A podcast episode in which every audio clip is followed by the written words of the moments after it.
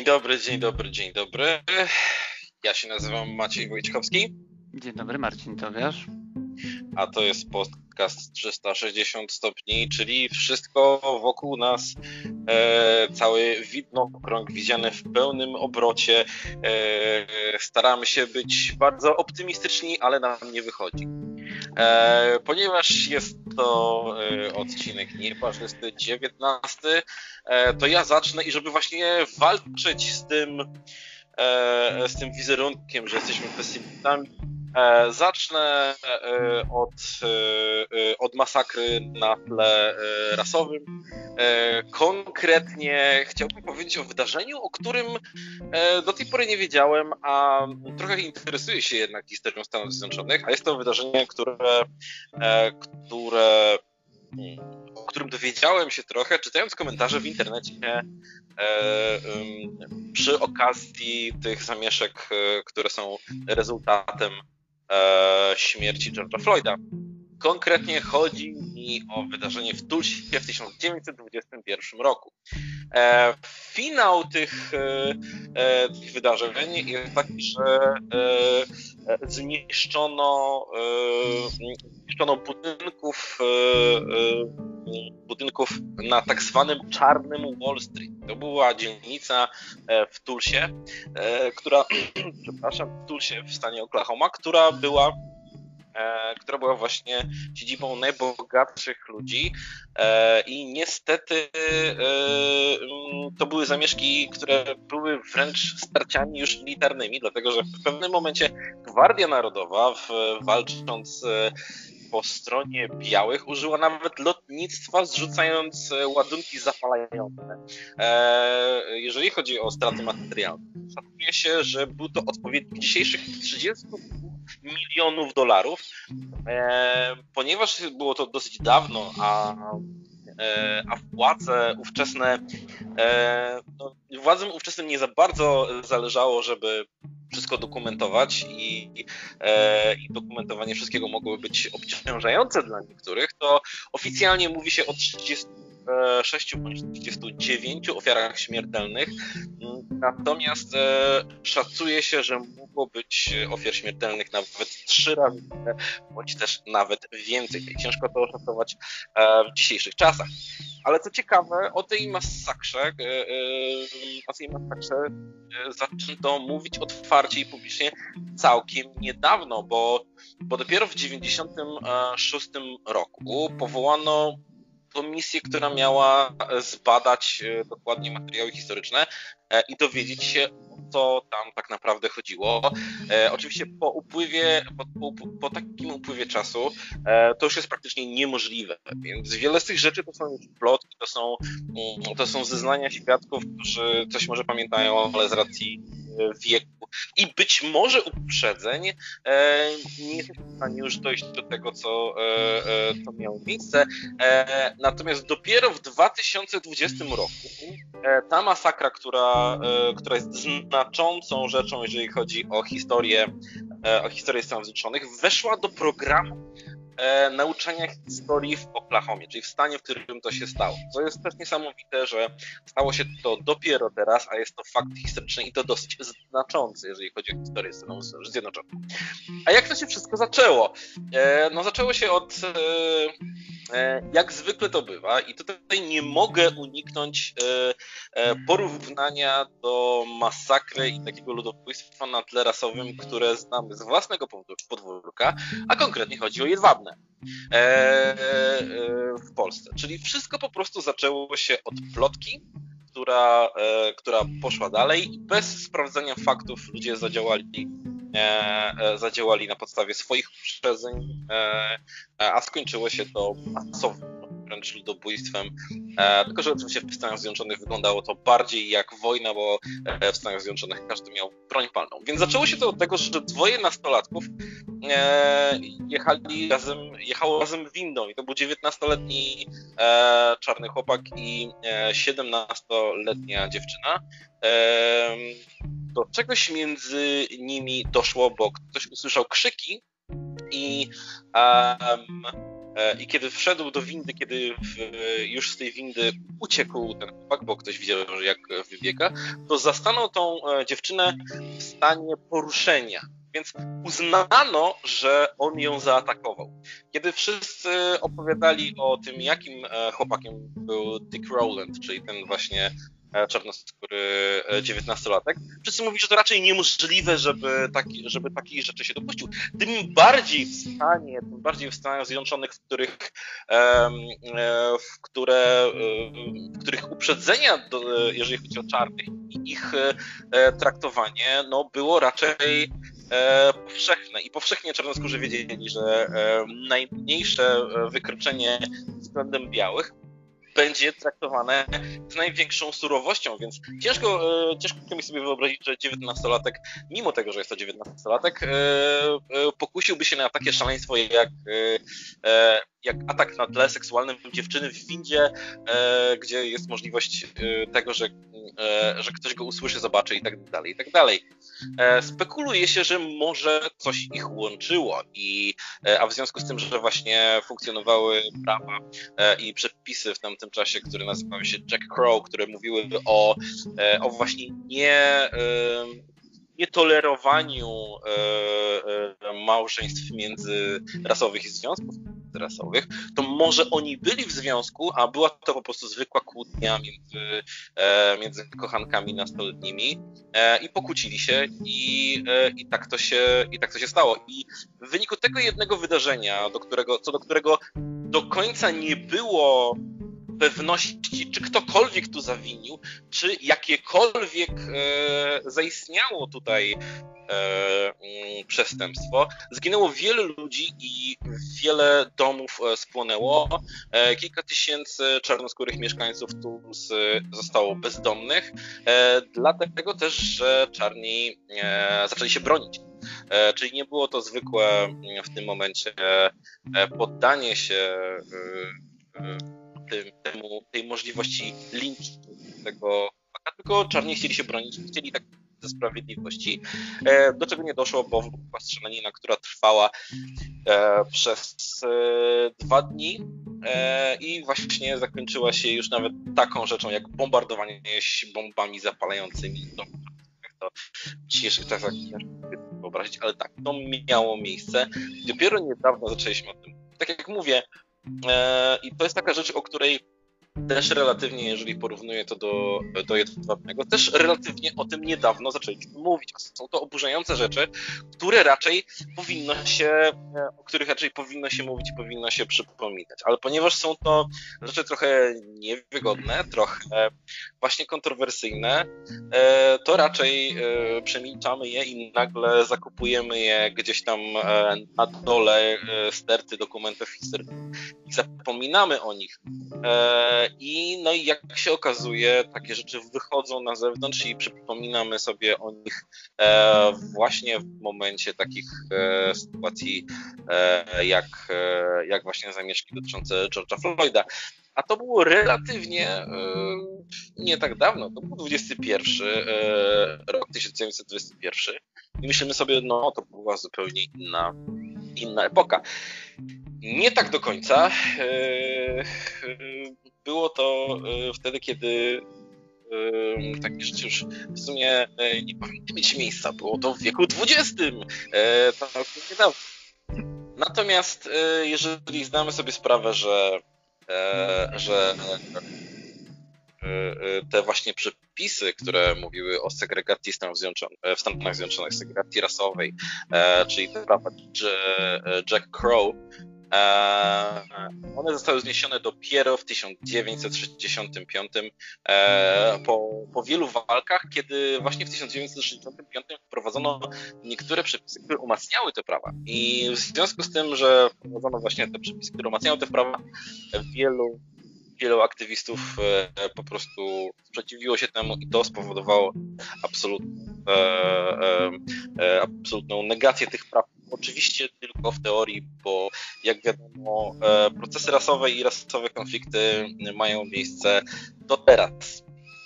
Więc wiele, wiele rzeczy się zmieniło, ale nawet nawet w Stanach Zjednoczonych nie udało się do dzisiaj zakopać tej, e, e, tej po prostu tej bariery między, między tymi dwoma miejscami. Właśnie między innymi dlatego, że wiele rzeczy jest e, e przemilczanych, e, nie mówi się o nich. Bo jestem pewien, że gdyby o masakrze w Tutsie mówiło się, mówiło się częściej, mówiło się więcej, e, to wielu białych obywateli miałoby może inne spojrzenie. Że to jednak, e, znaczy jestem pewien, że wiele, jest więcej takich wydarzeń jak, jak Tulsa. Natomiast Tulsa była E, wyjątkowa, dlatego że właśnie to było wręcz e, wydarzenie paramilitarne. Oczywiście e, mm, też trochę zrozumiemy, dlaczego miało miejsce to akurat nam, dlatego że z 70 tysięcy z 70 tysięcy mm, mieszkańców Tulsy szacowało się, że 3 tysiące należało do Ku Klux Klanu, więc to już generalnie od razu była gotowa, gotowa mała paramilitarna armia ludzi o określonych poglądach, którzy byli uzbrojeni po zęby i e, w swoim mniemaniu bronili swojej rasy przed, przed agresją, a nie było tam żadnej agresji, tylko po prostu czarnoskórzy chcieli dopilnować sprawiedliwości, nie chcieli dopuścić do tego, żeby, żeby ich przedstawiciel, żeby ten 19-latek został zlinczowany. I dlatego zjawili się pod sądem posiadając broni. No i to wystarczyło, że po prostu tam byli e, i to była ta zapałka w tej beczce od tej eksplozji e, spaliła się duża część miasta. E, czy ty słyszałeś w ogóle o tym wydarzeniu wcześniej? Całkiem niedawno. E, całkiem niedawno, to podobnie jak ty, e, tylko zanim jeszcze ci opowiem e, z mojej strony, to mam taką propozycję, żebyś może sprawdził od swojej strony połączenie, bo niestety, ale czasem, że tak powiem, jakość twojego dźwięku spada momentami i nie wiem, czy to jest kwestia połączenia z internetem, E, czy może jakiś inny powód, ale niestety od czasu do czasu y, głos, głos ci y, zanika. Natomiast wracając do Tulsy, tak, jest to zupełnie nowa historia. Z jedną rzeczą tylko się nie zgodzę. Mam, myślę, że to jest z twojej strony jakby przejęzyczenie tu nie chodzi według mnie o, o, porównanie do Jedwabnego, tu bardziej chodzi o porównanie do pogromu kieleckiego. E, bo powody, dla którego, wiesz, po, po, powody Jedwabnego to, to zupełnie inna historia, natomiast masz rację, że pogrom kielecki, czy, mm, czy zajścia w Rzeszowie e, i w wielu innych miejscach zaraz po wojnie dokładnie były bardzo podobne, czyli pojawił się jakiś pretekst, jakieś zdarzenie, które zostało zinterpretowane w taki, a nie inny sposób przez grupę ludzi nieprzychylnie nastawionych e, w polskim oczywiście przypadku do ludności e, żydowskiej, E, I to oczywiście wywołało dalszą eskalację, na którą już nikt w danym momencie po prostu nie panował. Co prawda nie doszło do zrzucania ładunków z samolotów, to też był zupełnie inny okres. Natomiast wracając do do Tulsy. Podejrzewam, że oglądaliśmy całkiem niedawno program jednego z komentatorów, notabene Brytyjczyka, który komentuje amerykańską rzeczywistość. E, obydwaj go lubimy. E, I e, on mówił o tym zajściu w kontekście podręczników e, historii w amerykańskich szkołach. I żeby nie było, też nie jestem zdziwiony, bo podobne, za, z, podobne zabiegi są również stosowane nie tylko w Polsce, ale na całym świecie. Czyli podręczniki historii do Stanów Zjednoczonych, które, o czym już też wspomniałeś, są ich ostateczna wersja jest uzgadniana na poziomie stanowym, a nie na poziomie federalnym, czyli jakby kolejna, kolejny temat, w którym y, widzimy, że podręcznik y, Alabamy do podręcznika Idaho, e, to mogą być często w akcentach oczywiście inne podręczniki, bo jednak element historii stanu miejsca ma dość spore znaczenie. E, I on zrobił analizę tych podręczników do historii Stanów Zjednoczonych, łącznie z zadaniami, które, utrzym, e, które otrzymują uczniowie, na przykład, że możesz zostać mm, plantatorem albo niewolnikiem. Takie ćwiczenie, prawda? I co wtedy robisz jako niewolnik? Czy będziesz się buntował, będziesz niepokornym e, niewolnikiem, czy też będziesz pokornie, poko, pokornie realizował zadania, e, które ci e, wyznaczył twój pan. Takie od takie, wiesz, zadanie, nie? E, I mówię 2020, ja nie mówię o jakichś starych podręcznikach. Generalnie znalazł w tych podręcznikach bardzo mnóstwo e, treści, które po pierwsze wskazują na to, że ileś, ileś wydarzeń, tego typu jak Tulsa, po prostu nie ma ich tam. A po drugie, znajomość historii e, wśród nawet polityków e, amerykańskich też jest na bardzo niskim poziomie, bo a propos dyskusji o niewolnictwie, dyskusji o, Black Lives Matters, była dyskusja w telewizji, gdzie jedna z, mm, z, amerykańskich polityczek wskazywała, że e, George Washington uwolnił swoich niewolników, gdzie w rzeczywistości e, nie uwolnił, a w zasadzie tylko jednego, bo obiecał to bodajże swojej żonie, więc go uwolnił. Ale chodzi o akcenty, czyli że podręczniki amerykańskie, podręczniki historyczne nie ukazują e, właściwych proporcji pomiędzy, nazwijmy to, rasą białą, tak, a e, Afroamerykanami, jeżeli już ich pokazują, to pokazują ich albo w sposób, nazwijmy to, stereotypowy, czyli do czasów e, wojny secesyjnej, to jest taki obraz troszeczkę jak przeminęło z wiatrem, czyli że no pracowali sobie na tych plantacjach bawełny i w sumie było im dobrze, chodzili, wieczorem śpiewali piosenki, i w ogóle wszyscy żyli szczęśliwie. No, po czym... I podejrzewam, że potem pokazuje się dopiero już lata 60. Yy, już... I też nie... Tak, tylko że też się... Też się jest zamyka ciekawą klamrą, która jest nieprawdziwa, czyli dojeżdża się do roku właśnie 65 do wprowadzenia, czy do potwierdzenia ich praw wyborczych e, przez tak. prezydenta Lyndona Johnsona i przeskakuje się do czasów współczesnych. Dokładnie nie działo się nic pomiędzy tym. A bardzo ciekawe jest, że wspomniałeś o tym temacie, bo ja w swoim e, e, amerykańskim wątku dzisiejszym chcę wspomnieć o kimś, kto się nazywa John Lewis. Um, który tutaj się też z tym tematem e, pośrednio wiąże, ponieważ e, tydzień temu był pogrzeb e, Johna Lewisa, przedstawiciela Izby Reprezentantów, afroamerykańskiego polityka, E, który był jednym z ostatnich, którzy brali udział w słynnym marszu na Waszyngton. E, chciałem tylko powiedzieć, że to był marsz w sprawie pracy i wolności, bo niektórzy tylko myślą, że to był marsz e, związany z prawami obywatelskimi. Nie do końca.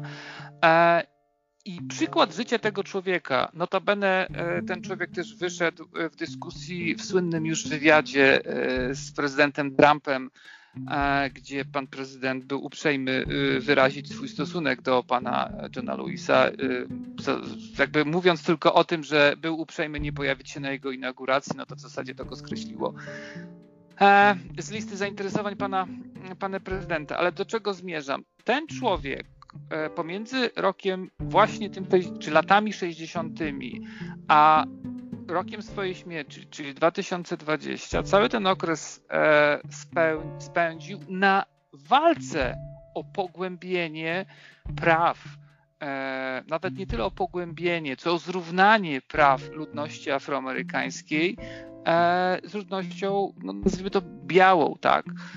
Więc to też nie jest tak, że lata 60. się skończyły, skończyła się segregacja w autobusach, skończyła się segregacja w szkołach i wszystko już było fajnie.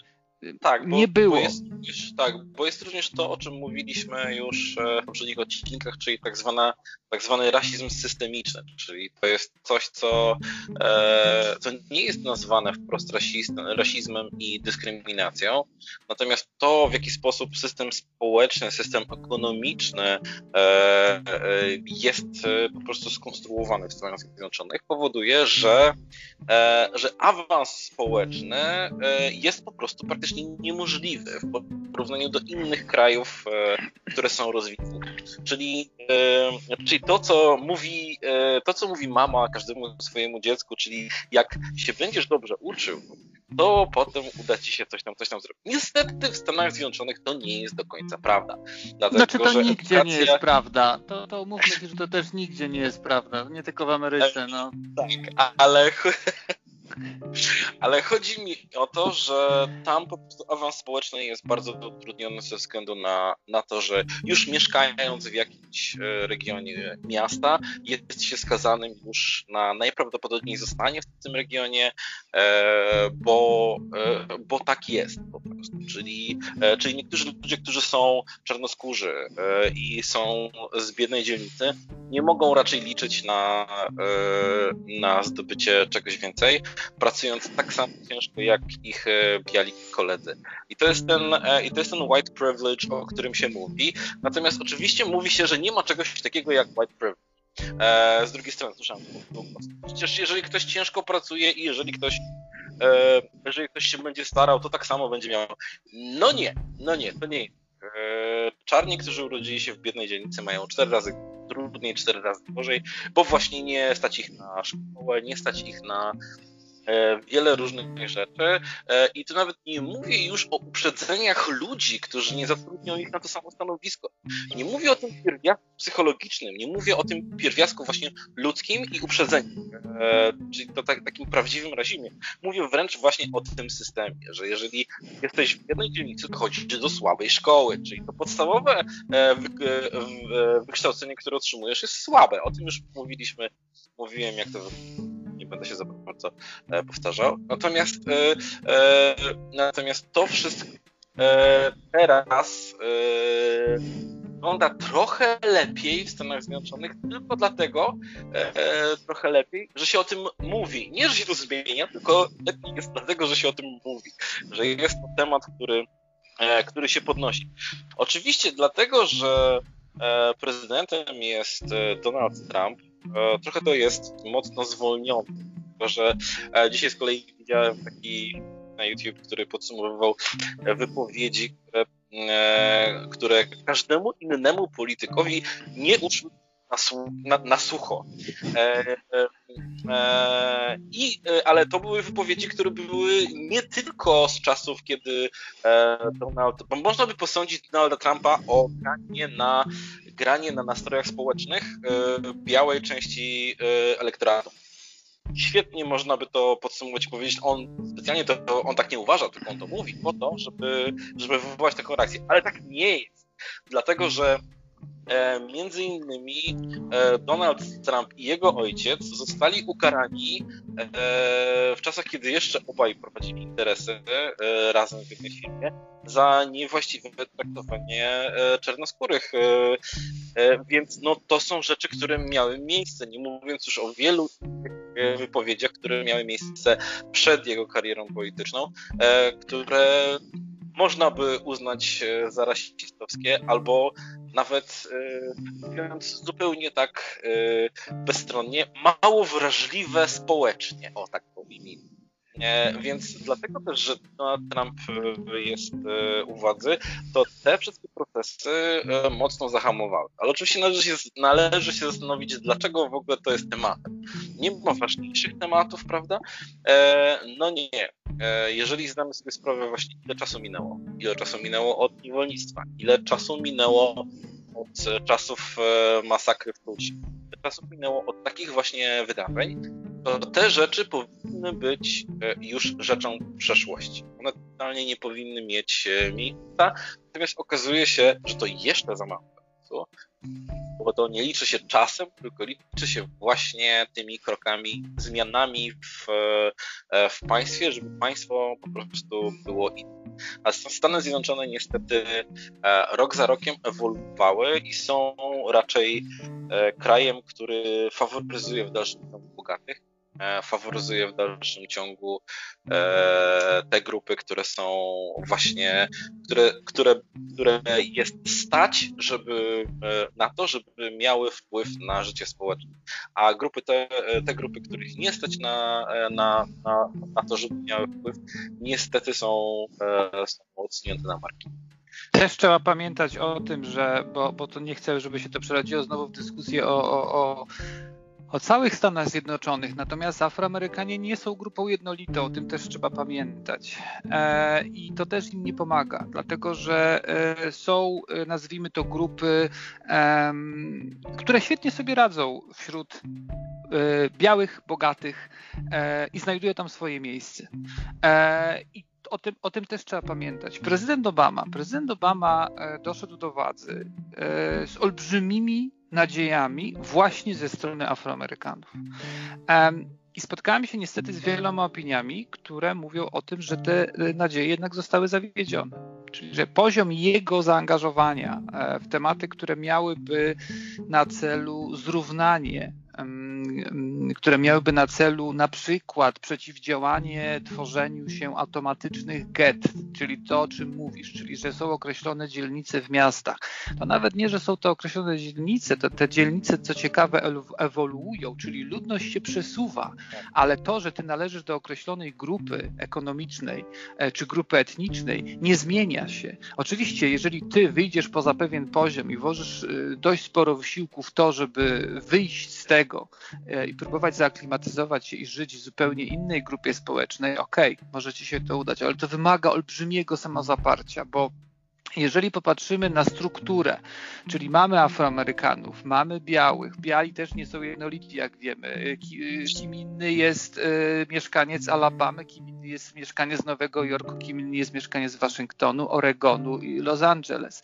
Mamy też określone szczeble dla emigrantów prawda? E, czyli mamy emigrantów z Meksyku. E, ja już nie mówię o legalnych i nielegalnych, bo też nie ma co udawać, że tych nielegalnych tam nie ma. Tam są miliony nielega formalnie nielegalnych emigrantów. E, są emigranci z Europy Środkowo-Wschodniej. Oni też się dzielą na tych, którzy się zasymilowali, którzy się włączyli w ten ogólny nurt, ale to jest całkiem spora grupa która się nie włączyła. Ale zmierzam tak naprawdę do tego, że podziały w Stanach Zjednoczonych, pomimo tego, co widzimy z zewnątrz, bo my jednak jesteśmy z zewnątrz, są dużo głębsze i w zasadzie tak w każdym stanie ta struktura i postrzeganie problemu wygląda zupełnie inaczej. A podział, który wydawało się, że został zasypany jeszcze jako efekt e, wojny secesyjnej, faktycznie istnieje do dzisiaj. E, I to nie chodzi o machanie flagą Konfederacji.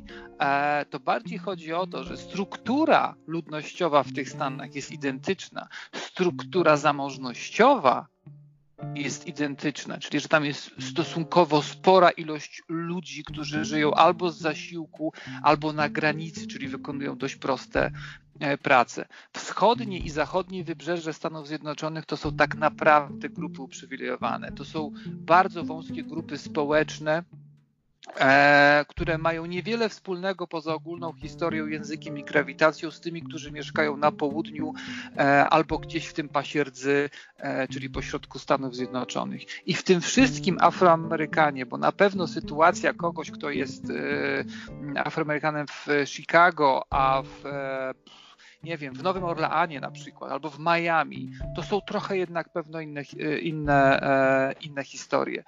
Obecny prezydent Trump, który jest, czy, który powiem szczerze, za każdym razem udowadnia mi, że tam, gdzie dla mnie jest sufit, dla niego jest podłoga, jest to niesamowite, bo to w zasadzie dzieje się z tygodnia na tydzień, o z każdym swoim wystąpieniem, z każdym swoim tweetem, a nie daj Boże jeszcze jak udzieli wywiadu tak mocnego jak ostatnio, e, przekonuje, że rzeczywiście nie ma czegoś takiego jak wrażliwość u niego, a przynajmniej nie jest to wrażliwość nakierowana na innych. Bo to, że ma bardzo dużą wrażliwość nakierowaną na siebie i na swoje ego, to myślę, że każdy się z tym, każdy się z tym zgodzi. I jest to w jakimś sensie okres smuty dla ludności afroamerykańskiej. E, nie sądzę, żeby się coś zmieniło e, w najbliższym czasie. Tutaj może też nastąpić po prostu zmęczenie tematu, jak każdego tematu, prędzej czy później. um, żeby coś się żeby się coś zmieniło rzeczywiście. Poza tym to nie jest często, jak wiesz, e, kwestia ustawy, czy kwestia wprowadzenia rozporządzenia, to jest jakiś proces, tu by się musiała zmieniać mentalność ludzi. A tak to nie działa, bo jeżeli mentalność ludzi, nazwijmy to mocno prawicowych, eufemistycznie, e, jest wciąż pobudzana przez samego prezydenta, to dlaczego by im się nagle miało zmienić? Tak, wyobraźmy sobie, że, tak. że Trump przegrywa wybory, przychodzi Joe Biden, um, ale to akurat ten kandydat też nie jest dla mnie przekonujący, jeżeli chodzi o jakiekolwiek gwałtowne e, zmiany i ruchy takie, które mogłyby zmienić chociaż postrzeganie jakichś grup społecznych, w tym Afroamerykanów.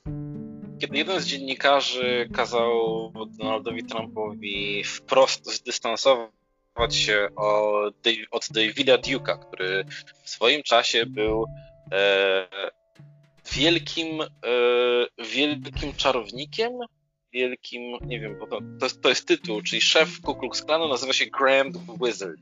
Tak. Jakby naprawdę umiał czarować. E, Grand Wizard of Ku Klux Klan. Kiedy kazał mu się e, zdystans, zdystansować od tego człowieka, który go wprost poparł e, na Twitterze, zdaje się, to, e, to, to Trump mówił, ale ja nie wiem, kto to jest. Co, na co dziennikarz mówi, no mówię właśnie, to jest Grand Wizard Ku Klux Klanu. Na co Donald Trump mówi, ale ja nie wiem, kto to jest. I tak wyglądała rozmowa, więc temu dziennikarzowi nie udało się uzyskać zdecydowanego odcięcia się od przywódcy Ku Klux Klanu. Eee, dlaczego? No dlatego, że tu już teraz nie można mówić inaczej, to już było wyrachowane po prostu działanie, że nie chciał stracić jakiegoś, e, jakiejś części elektoratu, mrugając e, okiem. E, nie mogę tego powiedzieć głośno, bo przecież wszyscy lubię tutaj, e, prawda, tak? ale spoko, ja nie powiem, że jesteś zły. E, no więc, no tak, taki jest teraz, e, taki jest teraz klimat. E, bo mówisz o tym, że faktycznie i mówisz to samo co ja, że, że, że dużo czasu minęło i tak naprawdę nie zmieniło się tak dużo, ile można, się, można by się było spodziewać. I ja w tym momencie patrzę też na nasze podwórko i patrzę na mentalność Polaków że my w dalszym ciągu żyjemy drugą wojną światową i w dalszym ciągu e, żyjemy komunizmem e, i ja strasznie się e, temu też sprzeciwiam, żeby, że cały czas mamy tą mentalność ofiary i cały czas wspominamy o tym, e, jak była wojna i jaki był komunizm. E, I w tym momencie patrząc na to, co się dzieje w Stanach Zjednoczonych a propos właśnie czarnoskórych, nie dziwię się temu absolutnie, e, że tak jest, bo my tego jeszcze sami w sobie jeżeli nie chodzi przerobiliśmy. o przerobiliśmy. Wiesz, jak dobrze wiesz, polski rząd również de facto potwierdza zmiany klimatu, bo jeżeli protestuje się przeciwko tęczy, która jest zjawiskiem klimatycznym, to znaczy, że de facto potwierdza się zmiany klimatu. Um, a to tak na marginesie, bo Ale po prostu... o tym chcesz porozmawiać? Nie, nie, o, o... nie. Nie, nie chcę, nie chcę rozmawiać o polskich pomnikach, które są e, przyozdobione tęczą, bo, e, bo znowu to nie jest dla mnie czarno-białe. E, natomiast myślę, że do tego kiedyś na pewno wrócimy, e, bo ta historia podejrzewam, że nie skończy się ani jutro, ani za tydzień, e, tylko będzie się tliła, ale po części też z powodów takich, jakich mówisz, czyli że mamy przed sobą jako społeczeństwo, jako naród mnóstwo tematów do przerobienia a jeżeli, tak jak e, słusznie prawisz, że e, jeszcze druga wojna światowa nie jest przerobiona, to cóż w ogóle mamy teraz wchodzić do współczesności, wrócimy do niej za jakieś circa 50-60 lat i wtedy będziemy dyskutować, e, co z tym wszystkim zrobić. Natomiast ja chcę przejść do trochę, uwaga, pozytywnego tematu i pozytywnej historii. Tak, udało mi się znaleźć historię, która jest bardzo, która kończy się w sumie w porządku, choć o tym chcę z Tobą porozmawiać, czy rzeczywiście tak do końca w porządku, czy da się cofnąć czas. E, historia dzieje się w Chinach. Jest małżeństwo pod koniec lat 80., w którym rodzi się jedyne dziecko. Jak wiesz, dobrze wtedy obowiązywała polityka jednego dziecka na rodzinę. Czyli po prostu para żyjąca w mieście mogła mieć jedno dziecko. Jeżeli żyłeś na wsi, to tak a propos uprzywilejowania tych, którzy żyją na wsi, mogłeś mieć dwoje dzieci, pod warunkiem, że pierwszym dzieckiem była dziewczynka. Tu chodziło o, o Hanów, głównie, czyli tą ludność etniczną, która jest najbardziej liczna. W, tak, ale generalnie zasady były takie, że jeżeli mieszkasz na wsi, możesz mieć dwoje dzieci pod warunkiem, że pierwsza urodziła ci się dziewczynka. Chodziło po prostu męskiego potomka, tak? Natomiast w mieście z założenia mogłeś mieć tylko jedno dziecko, chyba że oczywiście dostałeś jakieś specjalne pozwolenie, bo należałeś do jakiejś tam grupy uprzywilejowane i mówimy mówię, o końcówce lat 80., czyli jeszcze wciąż okresie, w którym e, nazwijmy to chiński komunizm trzymał się mocno w zasadzie w każdym aspekcie życia przeciętnego Chińczyka. I teraz ta para ma e, to małe, malutkie dziecko. To dziecko ma 2,5 roku, kiedy e, rodzice dzieląc się między sobą, ponieważ mają pracę mm, oboje pracują, natomiast jeżeli chodzi o opiekę nad dzieckiem, no to oczywiście raz jedno, raz drugie odbiera je z przedszkola. I akurat kiedy e, odbiera go z przedszkola ojciec i wraca z nim do domu, zatrzymując się gdzieś na momencik i tracąc go dosłownie z oczu na, według niego oczywiście minutę, dwie, dziecko ginie. Ginie to znaczy, no, po prostu znika. E, jest to rok 1988. Oczywiście jest panika, e, jest, są poszukiwania, mm, matka zostaje ściągnięta z delegacji, przyjeżdża, E, długa historia poszukiwań tego dziecka. W międzyczasie okazuje się, że w Chinach dzieje się coś, o czym przeciętny Chińczyk nie wie, czyli że porwania dzieci, a zwłaszcza małych chłopców, są de facto plagą. Plagą wynikającą właśnie z faktu, że każda rodzina chciałaby mieć męskiego potomka. A nie każdej rodzinie to po prostu e, wychodzi. I te porwania mają miejsce E, w miastach, gdzie jest to bardziej anonimowe, właśnie po to, żeby zabrać dziecko na wieś. Czyli, że to dziecko porwane ma być domniemanym drugim dzieckiem, na które państwo ci zezwala, i masz od razu gwarancję, że jest to chłopczyk, bo porwałeś chłopczyka, tak? Czyli wyobraźmy sobie sytuację taką, że jako małżeństwo rodzi wam się e, dziewczynka. Prawdopodobieństwo, że urodzi się również druga dziewczynka jest całkiem spore, a wiemy, że gramy tutaj e, ostatnią połówkę meczu, czyli jeżeli przy drugim dziecku nie będzie męskiego potomka, no to koniec. E, czy to procentowo była duża skala? Oczywiście, że nie. Natomiast jeżeli popatrzymy, popatrzymy na populację chińską, to było to odnotowywalne. Dlaczego mówię, że ta historia się kończy w sumie pozytywnie? Dlatego, że w maju tego roku, czyli 2020, po 32 latach udało się to dziecko, a w zasadzie już mężczyznę, odnaleźć. E, dzięki dwóm elementom. Po pierwsze, e, mm, po pierwsze dlatego, że wprowadzano e, badania DNA po drugie dlatego, że wprowadzano, wprowadzono e, w miastach kamery, ale z kamery z systemem detekcji, czyli z systemem porównywania twarzy. E, I dzięki tym dwóm systemom i również anonimowemu zgłoszeniu, że prawdopodobnie ten mężczyzna został kiedyś porwany, dlatego warto się nim zainteresować i po kawałku, po kawałku policja, jak również rzeczona mama doszła do wniosku, że to może być jej syn. Ona oczywiście podczas tego okresu 30 lat w zasadzie poświęciła swoje życie, żeby, żeby odszukać tego syna.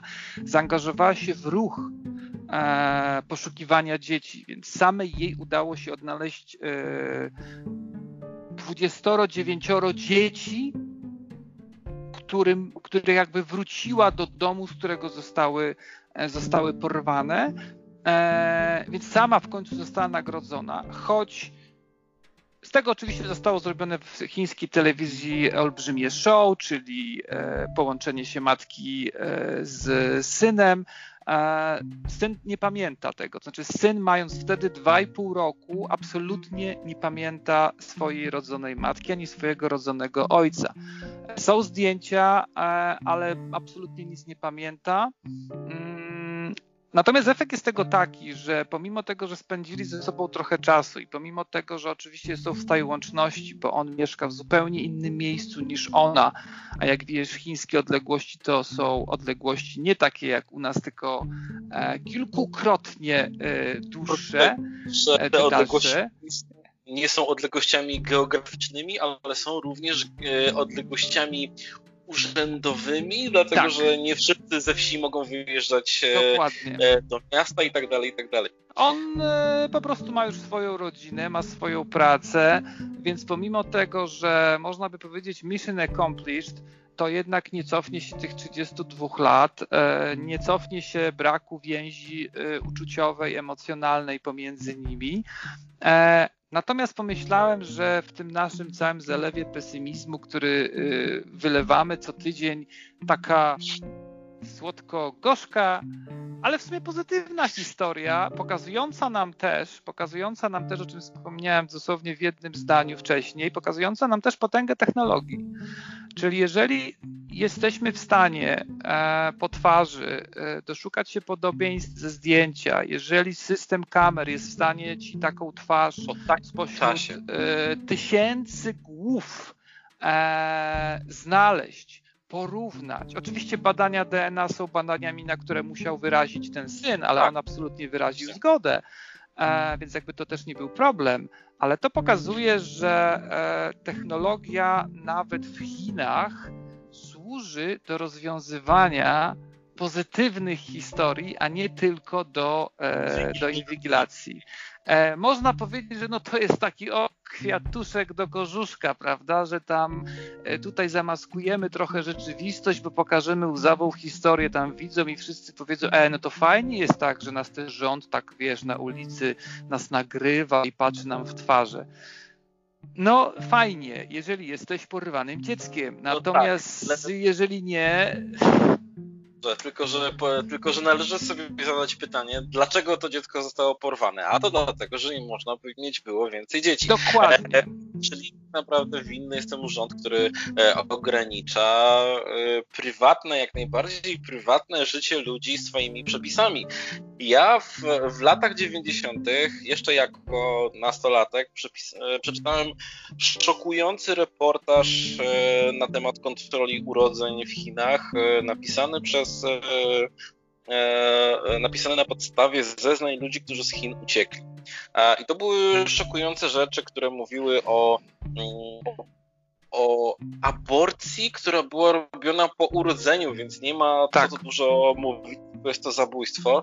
E, I było to e, zabijanie dzieci, które były e, ponadprogramowymi dziećmi, zastrzykiem z alkoholu w ciemiączko. Czyli regulowanie urodzeń po urodzeniu. No jest to straszne, E, e, ale, ale takie rzeczy się działy. E, wiesz, takie ingerowanie w, właśnie w, w, w takie urodzenia, w życie prywatne obywateli, to mi się kojarzy jeszcze z rzeczą wcześniejszą i z bardziej mroczną, czyli tworzeniem e, dzieci państwowych w Niemczech, e, e, czyli my będziemy regulować, jakie to są dzieci, kto może mieć dzieci, ile dzieci i każda niemiecka kobieta ma się oddać prawdziwemu Aryjczykowi i tak dalej.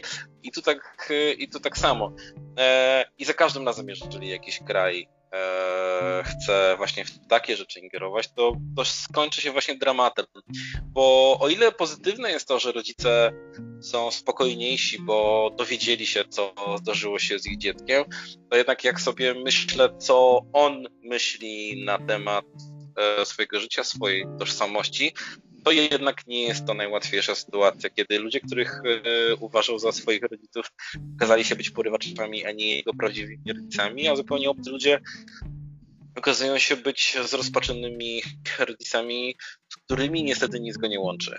Więc, Prawdopodobnie, tak, bo właśnie o tym nie, nie piszą w artykule w żadnym, e, nie do końca chyba jest tak, że jego rodzice byli porywaczami.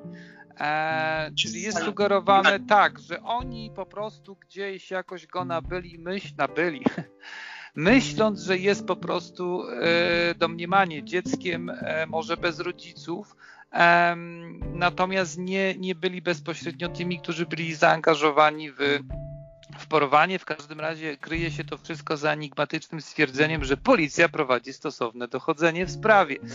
Ale tak jest to rezultat tak naprawdę e, kontrolowania przez państwo zupełnie tak, naturalnych rzeczy. Tak.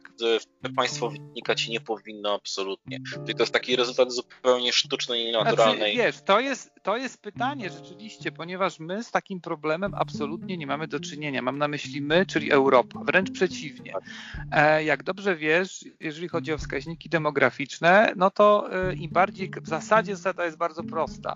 Im bardziej rozwinięty kraj, tym mniejsza ilość yy, urodzeń. I, I, nie ma w zasadzie, o, podejrzewam, nie pamiętam statystyk, yy, ale wyjątków od tej reguły.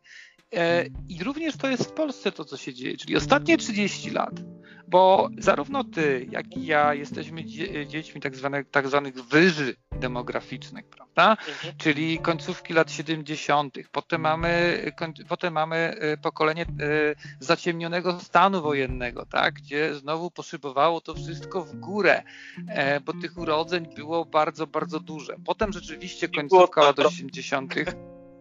Dokładnie, również. E, I już lata 90. tak po cichutku, po cichutku, ale zaczęła ta krzywa zamiast rosnąć, krzywa zaczęła spadać wraz rzeczywiście no tak. ze wzrostem zamożności, wraz ze wzrostem no bo, e, e świadomości, świadomości ale chyba tak. też poczucia bezpieczeństwa, takiego permanentnego poczucia bezpieczeństwa i stabilizacji, które było naturalne w latach 90. Kiedy wydawało się, że ostatnie 10, już 15 lat to już jest taki okres stabilizujący ekonomicznie i społecznie i że to powinno zaowocować, a w zasadzie musi zaowocować, jeżeli nie chcemy się e, kurczyć, bo inaczej nas, obywatela, będzie jakby mniej e, w Polsce. E, no to się tak niestety nie stało. Tylko, że paradoksem jest to, że z kolei mniejszość polska w Wielkiej Brytanii ma najwyższy wskaźnik urodzeń ma najwyższy wskaźnik urodzeń. Czyli innymi słowy, ta sama polska rodzina, ta sama polska rodzina, która w Polsce jakby niechętnie chciała mieć potomka, wyjeżdżając do Anglii, tego potomka chętnie ma. Czy jest na to jakieś logiczne wyjaśnienie? To, które znajduję e, i powtarzające się, to jednak jest wewnętrzne poczucie bezpieczeństwa i stabilności nie mojej sytuacji osobistej jako takiej, chociaż też, ale bardziej sytuacji rzeczywistości, w której się znajduję. Czyli, że nie zostanę zaskoczony czymś, co spowoduje siłą rzeczy mój brak stabilności indywidualnej. W Chinach trochę inna historia, bo tam jest kwestia e, ilości już mieszkańców e, i bardziej ingerując w ilość urodzeń, państwo nie chciało przecież spowodować ich zwyżki, a wręcz zatrzymać wzrost, czyli coś, co jest absolutnie odwrotnym trendem. Nie wiem, jak dzisiaj się kształtują te, te wskaźniki. Ja tylko, żeby dopowiedzieć do, te, do tego, co ty powiedziałeś, ja również mieszkając w Wielkiej Brytanii yy, spotkałem rodzinę, dokładnie, która z tego powodu, o którym mówisz, w popłochu uciekła z Chin, ponieważ kobieta już była w ciąży i pomimo tego, że oni się starali uzyskać pozwolenie na urodzenie, ona dostała e, państwowy nakaz aborcji.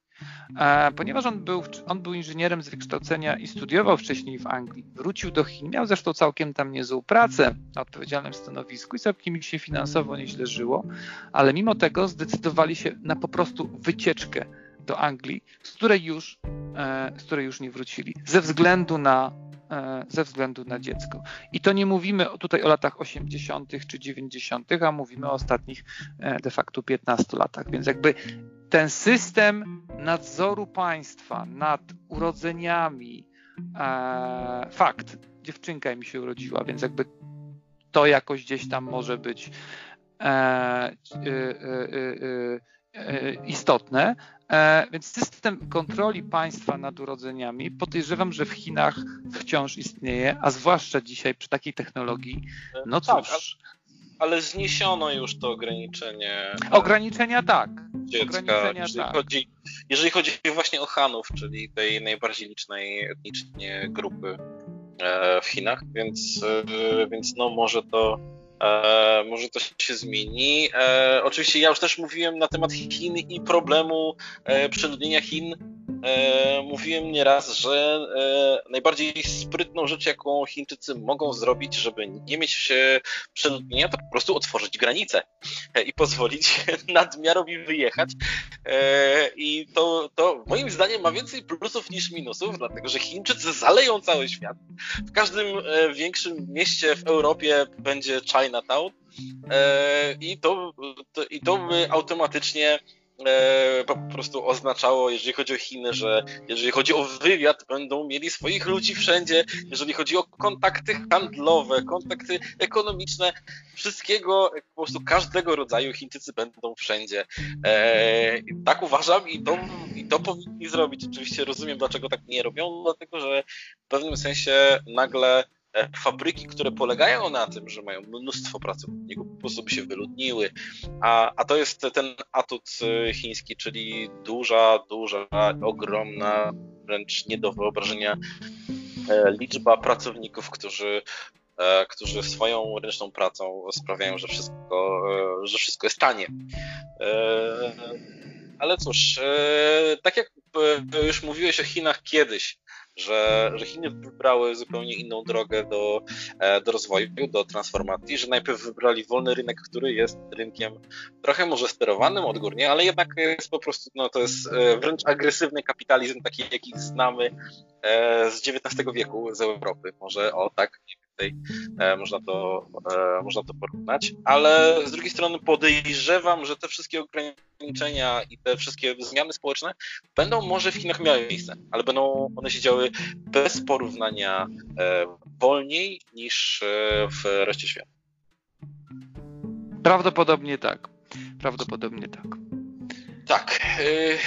A ja dzisiaj oglądałem sobie YouTube i nagle zaatakowała mnie reklama yy, nowego serialu yy, na HBO Raised by Wolves. To serial science fiction i stwierdziłem, że bardzo fajny serial. Chętnie sobie obejrzę. Patrzę, kiedy jest premiera. Myślę sobie, super, premiera wrzesień 3 e, września. To niedługo, to bardzo fajnie, bardzo ładnie wygląda. Jednego aktora, którego tam rozpoznałem jest Travis, Travis Fimmel, który, e, który znany jest z roli Ragnara Lothbroka e, w serialu Wikingowie. Myślę, że sobie bardzo ładnie wygląda, ciekawy pomysł, chętnie obejrzę, patrzę, a to jest ekskluzywny serial na HBO Max. A HBO Max to jest nowa platforma, którą wprowadza HBO i podejrzewam, że z czasem zastąpi HBO Go. A czym różni się HBO Max od no HBO właśnie. Go? To, mi, to, nam, to nam powiedz. E, HBO Max jest, e, jest platformą cyfrową tylko i wyłącznie koniec. Streamingową platformą, gdzie HBO Go jest praktycznie cyfrową wersją tego, co jest na zwykłych kanałach. E, okay. Na HBO, czyli na HBO Max nie będzie możliwości oglądania HBO. Tego, które leci w telewizji. Czyli tego Ale czy, tych godzinach. Ale czyli na przykład, nie wiem, e, tak już bardzo praktycznie, bo chcę wrócić do pewnego serialu HBO. E, czyli ma, na przykład nie będzie kompanii braci na HBO Max? E, podejrzewam, że będzie, natomiast ta oferta też będzie się trochę różniła. Przede wszystkim będzie się różniła o rzeczy, które będą kontentem, który będzie ekskluzyw. Tak jak na przykład Raised by Wolves. Jest kontent, mm -hmm. który, będzie, e, który będzie wyjątkowy i będzie tylko tam. E, I tak podejrzewam, że będzie, że z czasem tak będzie, że będzie coraz więcej tych rzeczy, które będą robione tylko dla HBO Max. E, chciałem właśnie dzisiaj porównać właśnie HBO Max do HBO Go i chciałem mhm. zobaczyć, czy kiedy jest możliwe właśnie to, że sobie obejrzę to cokolwiek, co jest na HBO Max i dowiedziałem się, że wprawdzie E, e, wprawdzie HBO Max e, startuje, wystartowało w, już w maju 2020 w Stanach Zjednoczonych, natomiast reszcie świata, w większości regionów raczej wystartuje w 2021, więc ta reklama na YouTube była skierowana nie do mnie, ale... Bardzo mi przykro. Tak, zaostrzyła mi tylko apetyt, ale żeby sprawdzić, żeby sprawdzić ten content, e, dzisiaj wykorzystałem możliwość e, darmowego dostępu do HBO Go e, na 7 dni i zobaczyłem świetny film dokumentalny, który od razu połknąłem i e, dzisiaj i chcę o nim z tobą porozmawiać. Jest to film dokumentalny, który zatytułowany jest Pollywood Pollywood z P na końcu jak Polska. Jest e, o postaciach, które, e, które znamy wszyscy, ale znamy raczej je pod zupełnie innym imieniem i e, nazwiskiem. Jeżeli powiesz, kto to jest Shmuel Gelbfish, to możesz nie znać, ale jest to Samuel Goldwyn, urodzony w Warszawie, który jest historią niesamowitą, o, o, jego historia jest niesamowitą historią, to jest chłopak, Jeden z twórców Goldwyn Mayer? Tak, ale to jest jedna z czterech różnych wytwórni, które założył. Mhm. E, I oprócz tego cała e, rodzina Warnerów, e, którzy według różnych doniesień albo mieli nazwisko Wonsal, albo mieli na nazwisko Wrona. W filmie dokumentalnym mówią, w tym filmie dokumentalnym mówią, że na nazwisko mieli Wrona i ojciec braci Warner był szewcem. E, natomiast na Wikipedii jest napisane, że mieli na nazwisko Wonsal. Nie wiem, komu do końca e, wierzyć. Ale e, powiem tak, obydwa nazwiska brzmią bardzo znajomo, więc jakby w zasadzie nieważne zgadza które, nie? Zgadza się. Zgadza się. E, ta rodzina jest z, Kras z Krasnosielc e, i e, jest to e, kongresówka i mm, byli biednymi ludźmi, którzy wyjechali w, w poszukiwaniu lepszego świata, ale mieli niesamowitą ambicje zrobić coś, czego nie zrobił nikt wcześniej. Eee, przede wszystkim na pewno byli bardzo przedsiębiorczymi ludźmi, e, bardzo utalentowanymi, jeżeli chodzi o robienie interesów. E, bardzo szybko dostrzegli, że kino to jest coś, co się rozwija, co będzie, e, co będzie, e, co ma tą umiejętność chwytania ludzkiej wyobraźni i, e, i sprawiania, że no, oglądamy marzenia po prostu.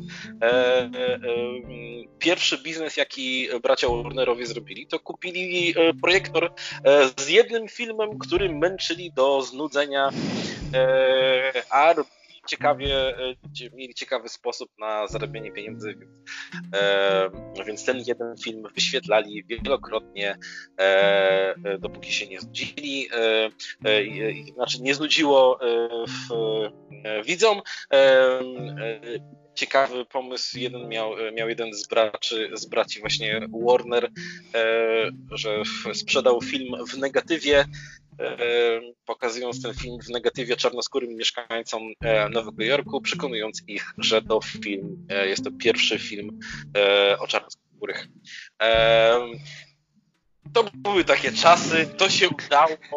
Potem w swoich wspomnieniach chwalił że był, że był postępowcem, jeżeli chodzi o sprawy rasowe w Stanach Zjednoczonych tak dziwnie to wygląda, e, ale bez dwóch zdań którzy byli prawie bez grosza przy duszy. Stworzyli, e, oni praktycznie stworzyli Hollywood. E, w, tej, w tych historiach, które opowiada, e, opowiada ten film, który jest robiony przez, przez Pawła Fertka, polskiego, e, polskiego reżysera, twórcę, który wyjechał do Stanów Zjednoczonych i to jest praktycznie jego zapis, to jest jeden z takich filmów dokumentalnych, który jest bardzo osobisty, czyli, to jest, czyli bardzo często kamera jest skierowana na niego i on opowiada, co się dzieje i mówi, ale film jest dziwną kreacją. Nie mamy pewności, e, do jakiego stopnia to, co oglądamy, jest prawdziwe, gdzie kiedy jest e, prawdziwą rozmową, kiedy jest prawdziwą introspekcją, a kiedy jest to jakaś kreacja. Bo Paweł Ferdek co chwilę mruga do nas okiem, mówiąc, że Hollywood to kłamstwo, to kreacja. E, podczas rozmowy z jednym z historyków Hollywood, historyk mówi, że sama nazwa Hollywood jest e, totalną, totalną nieprawidłowością, dlatego że Holly to jest, nie jest drzewo, to jest krzew, czyli Hollywood nie jest lasem, więc to jest niemożliwe. No, nie robi się drewna z, z, tego krzewu, więc sama nazwa mówi o tym, że jest to kłamstwo. I tak jest. Po prostu kreacja, to jest coś z niczego. I właśnie to stworzenie co, czegoś z niczego zafascynowało braci Warner, kiedy, e, kiedy oni rozmawiali z kimś i padło takie pytanie, widzisz jak wychodzą ci ludzie? Najpierw zapłacili nam za wejście, wychodzą, oni wychodzą zadowoleni. Czy widzisz, e, e, czy widzisz, jak, czy mają przy sobie jakiś towar? Czy dostali coś za te pieniądze? Czy, czy mają jakieś pakunki? Nie. Oni wychodzą po prostu z tym marzeniem, z tym, z tym pomysłem, z tym, e, z tym po prostu widowiskiem. E, to ich zauroczyło i e, faktycznie zdali sobie sprawę, że można zrobić coś takiego, można sprzedawać te sny, te, te marzenia za jakieś tam pieniądze. Świetne, świetnie też moment w tej całej historii jest, jeżeli chodzi o Samuela Goldwina, który zaczął swoją przygodę będąc w Warszawie sierotą bez grosza przy duszy i wyruszył praktycznie pieszo e, e, przez całą Europę i z Liverpoolu wiele lat później odpłynął do Stanów Zjednoczonych, ale, e, ale był no, był właśnie takim typowym w tamtych czasach e, dzieckiem, które musiało być zależne, e, no miał 15 lat, więc, ale musiał być zależny od samego siebie, ale kiedy już kręcił swój pierwszy film, w, w pewnym momencie musiał uciekać przed włoskimi gangsterami nasłanymi przez Edisona. A, dlaczego? Dlatego, że e, Edison e, opatentował, opatentował zapisną kamerę. Więc ci, którzy chcieli korzystać z tego w ogóle pomysłu, musieli mu płacić ci wszyscy, e, e, mm, wszyscy mm, e, żydowskiego pochodzenia, europejskiego pochodzenia dorobkiewiczowie, jak można powiedzieć negatywnie, ale, mm, ale ci, którzy byli na dorobku właśnie, którzy walczyli z każdym z każdą z przeciwnościami losu, ani po prostu nie myśleli, żeby płacić komuś praktycznie za nic. Więc on musiał chciał uciekać z Nowego Jorku, wylądował w e, Arizonie. E, w Arizonie e, jest taka scena właśnie, że wyjść nie ma, nie ma niczego tutaj praktycznie, więc nie, wsiadamy z powrotem, jedziemy. I ich podróż swoją zakończyli w Kalifornii, w małej miejscowości właśnie Hollywood. Tam postawili pierwszą stodołę, w której sfilmowali pierwszy, pierwszy film tak zaczęło się Hollywood, bo zaczęli się tam zjeżdżać wszyscy inni, którzy chcieli kręcić filmy. E, w tym filmie dokumentalnym Paweł Ferdek stawia jedno wielkie pytanie. Porównując się do pionierów, czy jest możliwe, żebym ja, Polak, nie mając nic, e, sprzedał swój samochód osobowy, żeby mieć na bilet e, poleciał do Hollywood e, i czy ja mogę zrobić taki biznes? Czy mogę być jak ci wielcy, którzy stworzyli imperium z niczego? I pyta się z nie rozmawia, a rozmawia z ludźmi, e, których może twarzy nie kojarzymy, ale na pewno kojarzymy ich, e, e na pewno kojarzymy ich e, dorobek filmowy, jeżeli zobaczymy, dlatego tam w podpisach zwykle jest napisane, kim są ci ludzie i jakie filmy przy jakich filmach pracowali. E, jego e, jego, to już ci mogę zrobić taki spoiler, jeżeli e, jego celem było porozmawianie przede wszystkim z, z, trzema, z trzema puzami, jeżeli chodzi o, o przemysł filmowy, z, z Goldwinem Juniorem, 88-letnim E, potomkiem Samuela Goldwina, e, z Harveyem e, Weinsteinem i z, ze Stevenem Spielbergiem. Więc nie mógł się skontaktować z Samuelem Goldwinem juniorem i po jakichś kilku dniach dowiedział się dlatego, ponieważ Samuel Goldwyn w wieku 88 lat zmarł. E, potem nie mógł się skontaktować z Harveyem e, Weinsteinem. E, potem dowiedział się dlaczego, ponieważ został postawiony stan oskarżenia i. Nie mógł skontaktować się ze Stevenem Spielbergiem z powodu podstawowego takiego, że to Steven Spielberg.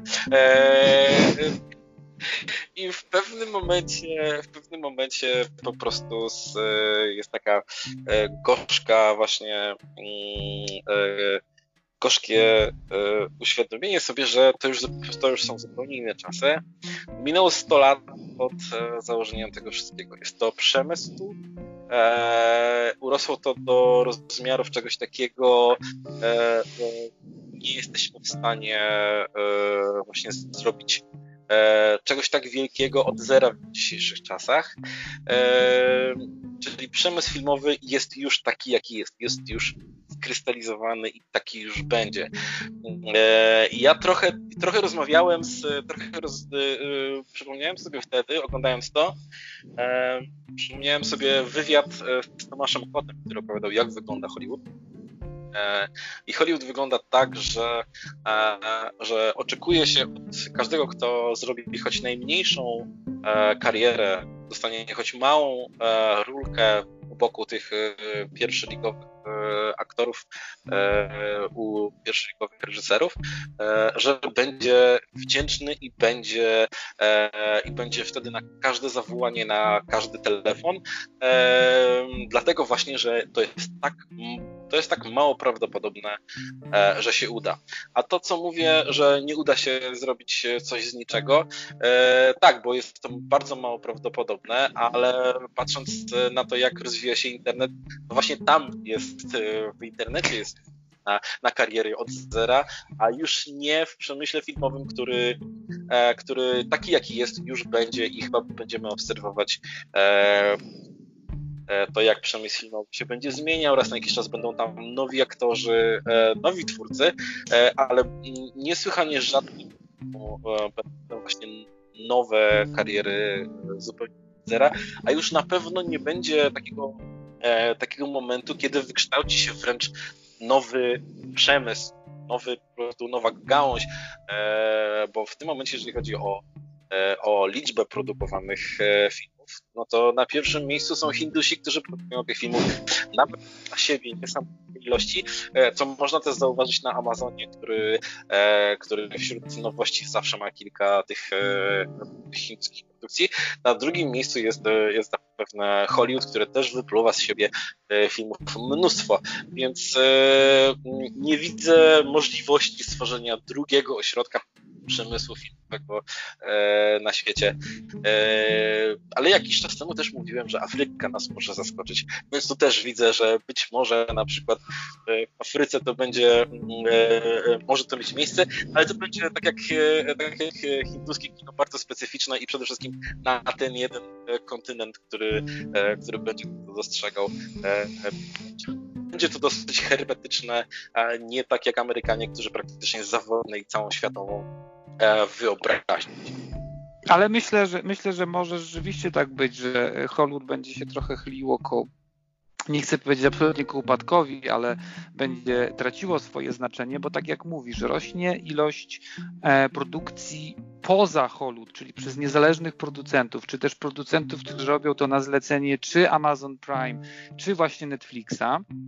Więc podejrzewam, że szanse na to, żeby w tych obszarach korzystać, podejrzewam, że pewno z dziesiątek, jeżeli nie setek, niezależnych ekip, którzy dostają, dostaną zlecenie na zrobienie konkretnego produktu, niezależnie czy to jest film, serial, e, stand-up czy cokolwiek innego, to może stanowić, stanowić jakąś tam w sumie przeciwwagę dla takiego Hollywood, choć nigdy w pojedynkę. To absolutnie nie ma, e, nie ma na to szans. Natomiast wspomniałeś o bardzo specyficznym okresie, czyli koniec XIX wieku, początek XX wieku, Stany Zjednoczone, e, jako Mekka, jako szansa na nowe życie dla milionów e, dla milionów Polaków, chcę powiedzieć, bo to w sumie byli Polacy, czyli mieszkańców trzech zaborów, którzy potrafili mówić po, po polsku i niezależnie od tego, czy mieli korzenie żydowskie, ukraińskie, łemkowskie, czy wreszcie polskie, dla nich wszystkim kierunkiem były Stany Zjednoczone. Przy tej okazji można znowu zachęcić do odwiedzenia Muzeum Emigracji w Gdyni, które świetnie pokazuje właśnie taką ścieżkę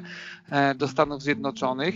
I jak wiemy również, takich Polaków właśnie, albo osób, które urodziły się e, w bardzo e, blisko brzmiących miejscowościach, jest w zasadzie setki, jeżeli nie tysiące. E, a przemysł, przemysł e, filmowy, który wtedy był e, u samych początków swojego istnienia, był świetnym polem do tego, żeby można było ziścić marzenie, czyli właśnie od pucy buta tak, do, do milionera. Ja chciałem od siebie tylko powiedzieć, y, y, też kończąc już jakby elementy kulturowe i pewno paradoksalnie kończąc, e, kończąc ten odcinek, również o marzeniu. E, a w zasadzie o książce, którą przeczytałem. E, książkę napisała e, czy, czy, żebym nie zapomniał i żebym nie skrewił, Anna Sulińska. Anna Sulińska jest reportażystką z całkiem młodym e, stażem. Jest, ona jest rocznik 1983, więc jest to bardzo młoda osoba. E, przeczytam jej dwie książki. Pierwsza książka nosiła tytuł W niebo wzięte i była to książka o polskich stewardesach lat powojennych, kiedy zawód stewardesy był e, zawodem bardzo, ale to bardzo szanowanym, a przede wszystkim zawodem, który wzbudzał olbrzymią zazdrość, ponieważ dawał możliwość podróżowania, a jeżeli podróżowania, to nie tylko e, zwiedzania różnych miejsc, ale również dzięki temu można było przywieźć przedmioty, które nie były dostępne. Podejrzewam, że podobnie miały rodziny marynarza i tutaj oczywiście mrugam okiem do ciebie. E, natomiast o książce, o której chcę mówić, jest to książka o tytule Olimpijki i mówi tylko o tych polskich olimpijkach e, okresu e, powojennego mniej więcej do lat 90. E, te nazwiska w większości, przyznam się szczerze, mi nic nie mówiły.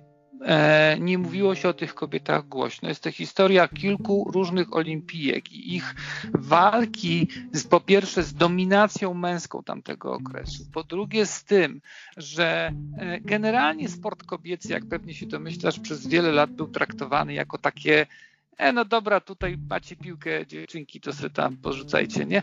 E, nie był traktowany na poważnie i dopiero paradoksalnie olimpiady, kolejne olimpiady dawały kobietom szansę na to, żeby mogły zaistnieć. I historia tych polskich dziewczyn, ówczesnych dziewczyn, jest to przede wszystkim nie historia sportowa, czyli nie historia, w jaki sposób one zdobyły określony medal w określonej dyscyplinie, tylko jest to historia ich życia dzięki własnej determinacji, dzięki pomocy albo kompletnie obcych ludzi, albo rodzinie, którzy byli zmotywowani, żeby tym dziewczynom pomóc, jak one w ogóle doszły do momentu, że miały szansę ten medal zdobyć, łącznie z tak kuriozalnymi historiami. Jedna z nich siedzi mi mocno w głowie, że panowie, którzy odjeżdżali autokarem o, o konkretnej godzinie rano sprzed hotelu, którym, e, który miał zawieść e, wszystkich zawodników do ich miejsc startu, panowie polscy y, olimpijczycy zapomnieli zabrać polskie dziewczyny, czyli polskie olimpijki. E, bo jakoś tak dziwnie wyszło. Historia tego, jak dziewczyny wypadły z hotelu i jakiś napotkany y, kierowca uprzejmie zawoził ich na miejsce startu, kiedy one bez rozgrzewki wpadają do łodzi, E, i w tej łodzi płynąc później zdobywają medal olimpijski, to nie jest historia sportowa. To jest historia mentalna, to jest historia społeczna, to jest historia kulturowa. E, I takich historii mamy tutaj wiele, i dlatego chciałem o tej książce wspomnieć i zachęcić do jej przeczytania. Nie jest ona długa. Natomiast myślę, że uświadomienie sobie, to jest a propos oczywiście dyskusji, tak, o równości i tak dalej, że nawet w takiej dyscyplinie, która wyda, nie w dyscyplinie, w takim obszarze, który wydawałby się, że jest mega mierzalny, prawda? Bo cóż może być bardziej mierzalnego niż dyscyplina sportowa? Cóż może być bardziej precyzyjnie określonego niż dyscyplina sportowa ze swoimi regułami i zasadami? E, otóż nie. Otóż okazuje się, że może i sam wyścig, sam bieg jest jasno określony ale żeby się znaleźć na starcie e, takiego biegu, niezależnie od tego, jaka to jest dyscyplina, mm, to trzeba się nieźle natrudzić. To, co jest najbardziej oburzające, jestem ciekawy, czy to się zmieniło, już kończąc ten wątek, e, to jest to, że jak przychodziła olimpiada, to Komitet Olimpijski wskazywał określoną ilość miejsc, które sam sponsorował. Państwo polskie było państwem biednym i nie było go stać na to, żeby wysyłać na swój własny koszt zawodników. Wobec tego, jeżeli przyszła informacja, że możecie wysłać 15 zawodników, bo rzeczywiście 15 zawodników e, miało spełnione warunki do tego, żeby startować. Po czym okazało się, że tych 15 zawodników jednak nie przyjechało, a przyjechało ich 13. A dlaczego? A dlatego, że na te dwa miejsca musieli przyjechać zasłużeni działacze. I ci działacze, jak się domyślasz, w skali całkiem sporej sumarycznie, z olimpiady na olimpiadę przyjeżdżali sobie nie stanowiąc żadnej wartości sportowej. To były po prostu dla nich bogate wycieczki. Dzięki e, dietom mogli zaoszczędzić te, te parę dolarów, e, które potem mogli spożytkować na jakiś handelek, bo też takie historie są. I z jednej strony to pokazuje, jak wyglądał PRL, ale z drugiej strony też pokazuje, że w konkretnych tutaj przykładach x kobiet e, zawodniczek, które spełniały warunki do tego, żeby pojechać na igrzyska, nie pojechały właśnie dlatego, że e, panowie działacze byli uprzejmi e, jednak e, podjąć inną decyzję. Więc jest to z jednej strony historia PRL-u, jest to historia zmagań kobiet, jest to historia fantastycznych charakterów, samozaparcia i motywacji, i na samym końcu jest to też kwestia sukcesów mimo wszystko, a te sukcesy mimo wszystko wydają mi się najbardziej ciekawe. E, wiesz, jak e, oglądam filmy sportowe, bądź też e, słucham o sportowcach, bądź też oglądam jakieś wydarzenia sportowe, zawsze z tyłu głowy mam świadomość, że to są ludzie, którzy praktycznie podporządkowali całe swoje życie tej aktywności sportowej. Ciężko sobie aż wyobrazić, jak głęboko to sięga, bo to jest oprócz treningów, oprócz odżywiania, to jest myślenie praktycznie cały czas to nie jest praca zawodowa, to nie jest e, hobby, to nie jest coś, e, coś więcej. Wyobraźmy sobie właśnie naszą pracę zawodową, nasze, e, naszą aktywność prywatną i nasze hobby. Więc to teraz zastąpmy te trzy sfery naszego życia sportem. I tak wygląda życie sportowca. Więc oprócz tak naprawdę tej, tej, tych zmagań fizycznych, oprócz, e, e, oprócz psychicznego nastawienia do tego wszystkiego, to jest bardzo ważne, ta motywacja i to wszystko, e, czyli oprócz tych rzeczy, jeszcze te kobiety musiały stawiać e, czoła rzeczami, rzeczom zupełnie niesportowym, niezwiązanym zupełnie z tym, co, co jest tak naprawdę przedmiotem tego wszystkiego. I za każdym razem, jak słyszę takie historie, to też jestem z, też jestem jestem pod wrażeniem i uważam, że to są ludzie, którzy, którzy są którzy mają niesamowite, niesamowite hartucha i niesamowitą e, motywację i siłę psychiczną, że w dalszym ciągu, mimo tym wszystkim przeciwnościom, nie stwierdziły, a dobra, będę żyć normalnie, tak jak każdy, e, bo po co się tak męczyć. A mimo tego to było e, dla nich ważniejsze i nie poddawały się i, e, i bardzo często zdobywały E, zdobywały dla Polski, reprezentując nasz kraj, e, medale. E, takiej oczywiście takiego przykładu jak Iryna Szywińska mogliśmy mieć więcej, gdyby właśnie okazywało się to łatwiejsze dla, dla większej po prostu liczby polskich sportowców. Chcia, chciałbym, żeby ktoś napisał taką książkę o współczesnych czasach, bo mam podejrzenie, Niestety chcę powiedzieć, e, że oczywiście zmieniło się dużo, bo tutaj nie ma co zaczarowywać rzeczywistości. Po pierwsze, sport się sprofesjonalizował, bo też trzeba pamiętać tak. lata 50., 60., czy w ogóle idea Igrzysk Olimpijskich to jest idea e, zmagań amatorów. O tym też trzeba pamiętać, że w PRL-u większość tych kobiet, o których tutaj e, jest napisane w tej książce, to są dziewczyny, które albo są gdzieś fikcyjnie zatrudnione na jakichś dziwnych etatach, a tak naprawdę albo cały czas poświęcają na, e, na sport, ale formalnie gdzieś tam pracują w przysłowiowej kopalni, tak, tylko że nikt ich w kopalni nie widział, albo wręcz są to kobiety, które, tak jak mówisz, e, normalnie gdzieś pracują, zajmują się domem i jeszcze w wolnej chwili, prawda, wieczorami e, po 4-5 godzin gdzieś tam trenują albo mają jakieś e, szczątkowe, bo to wtedy było bardzo szczątkowe e, stypendium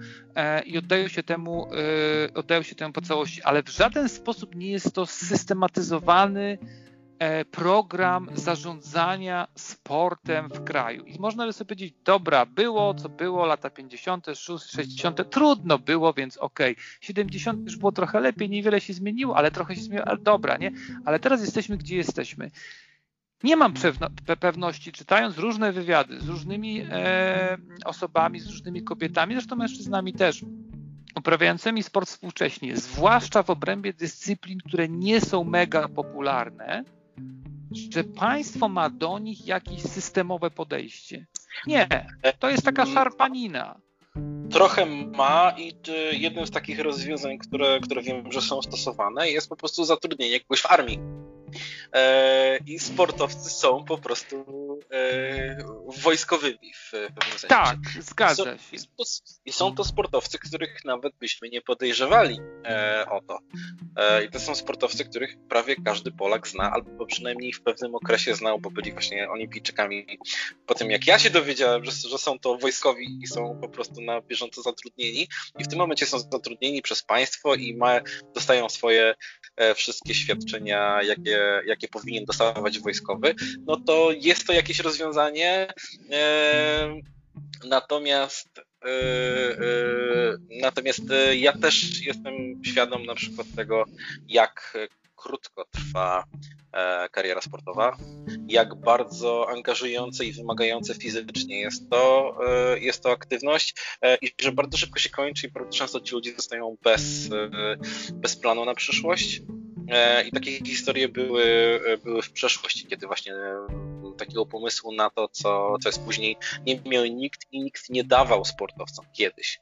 I ci, którzy byli sportowcami kiedyś bez tego sportu, okazywali się być po prostu bezradni. Teraz tego, teraz tego nie za bardzo nie, to się rzadko zdarza, bo jednak są agenci sportowi, jednak są, to są trochę już e, tak jak celebryci, czyli mają kogoś, kto biznesowo im, e, im, im e, radzi. I ja na przykład totalnie nie miałem takiego podejścia do, do reklam ze sportowcami, że jest to negatywne, gdzie słyszałem takie straszne podzłośliwe uwagi pod adresem przykład Adama Małysza, że on występuje w tych reklamach. No tak, Adam Małysz występuje w reklamach, ale gdyby w tych reklamach nie występował, to tylko z, to tylko z samego sportu e, nie za bardzo na przyszłość mógłby się e, utrzymywać, dlatego że ta kariera sportowa się kiedyś kończy. E, i właśnie coś trzeba mieć, coś trzeba robić, a to była aktywność, która właśnie mówię, fizycznie była niesamowicie angażująca. To było zajęcie na cały czas, nie było tam miejsca na, na robienie czegokolwiek innego, więc w momencie, w którym każdy każdy sportowiec e, będzie w stanie coś reklamować, trochę zaoszczędzić tych pieniędzy, no to jak najbardziej powinno się im na to pozwalać i nie widzę żadnej niewłaściwości w tym. E, I właśnie, no cóż, sportowcy to są tacy nowi, e, nowi gladiatorzy, to są innego rodzaju celebryci, ale również. I nie myśli się o tym, co będą robić potem totalnie nikt nie myśli o tym, wszyscy patrzą na nich na plakatach, wszyscy patrzą o nich na stadionach, e, a nie myśli się o tym, aktor, jeżeli się zestarzeje i nie będzie już przystojny, to będzie grał dziadków i ojców. E, a sportowiec, jeżeli się zestarzeje, to nie będzie już startował w, w A nie każdy nie... może zostać trenerem z drugiej strony. Zgadza się, zgadza no cóż, my co prawda też nie myślimy aż tak bardzo o przyszłości, ale podejrzewam, że już myślimy o odcinku 20, który już całkiem niedługo przed nami, e, a będzie to odcinek kończący de facto drugą dziesiątkę. E, ale jeszcze zanim tam dojdziemy, to e, ty kiwasz głową, że już druga dziesiątka, czy dopiero druga tak. dziesiątka, czy... Kiwam głową, że to tak minęło. Jak pomysł, jeden dzień. Pomysł, no nie, no nie. Się, który narodził się jako pretekst kontaktu i regularnych rozmów w czasach zamknięcia pandemii, e, e, kontynuujemy i, e, i wciąż rozwijamy. Mam nadzieję, że, że będzie coraz lepiej. Nie mówię też, że nie jest, to, nie jest to łatwe i nie napotykamy na tej drodze na różnego rodzaju przeszkody i wyboje natury technicznej i nie tylko. Też. E, natomiast e, tak, będziemy to rozwijać i e, będzie jeszcze lepiej, coraz lepiej. To jest moja Ku chwale. E, w zasadzie nie wiem czemu, ale naszej na pewno też. E, czyli co? Wiem, że kończymy odcinek 19. Tak Wiele jest. się działo. Znowu było o Ameryce. Może w ogóle dodajmy jakieś takie, wiesz, nie wiem, i USA na przykład. Tam tematy takie, i, takie. Taki gif powiewającej flagi cały czas z tyłu. tak, to jest dobre. No Trzeba pomyśleć, albo zrobić osobny, że tak powiem, podkanał e, typu właśnie e, dawno temu w Ameryce, a w zasadzie nie tylko dawno temu, ale i to, co się dzieje w chwili obecnej. A tak jak mówiliśmy kiedyś, wybory się zbliżają wielkimi krokami, więc też będą tematy do, do rozmów. Dziękuję bardzo w takim razie. Dzięki. Do zobaczenia. Zapraszam na nasze strony, nasze kanały. Subskrybujcie, lajkujcie, komentujcie. Im więcej aktywności, tym lepiej. Każdy z nas również ma e, swoją jakąś aktywność. Niektórzy dopiero i planują, a niektórzy już coś robią, e, więc też jeżeli kojarzycie e, nasze osobne kanały, też zapraszam. Do zobaczenia, do usłyszenia.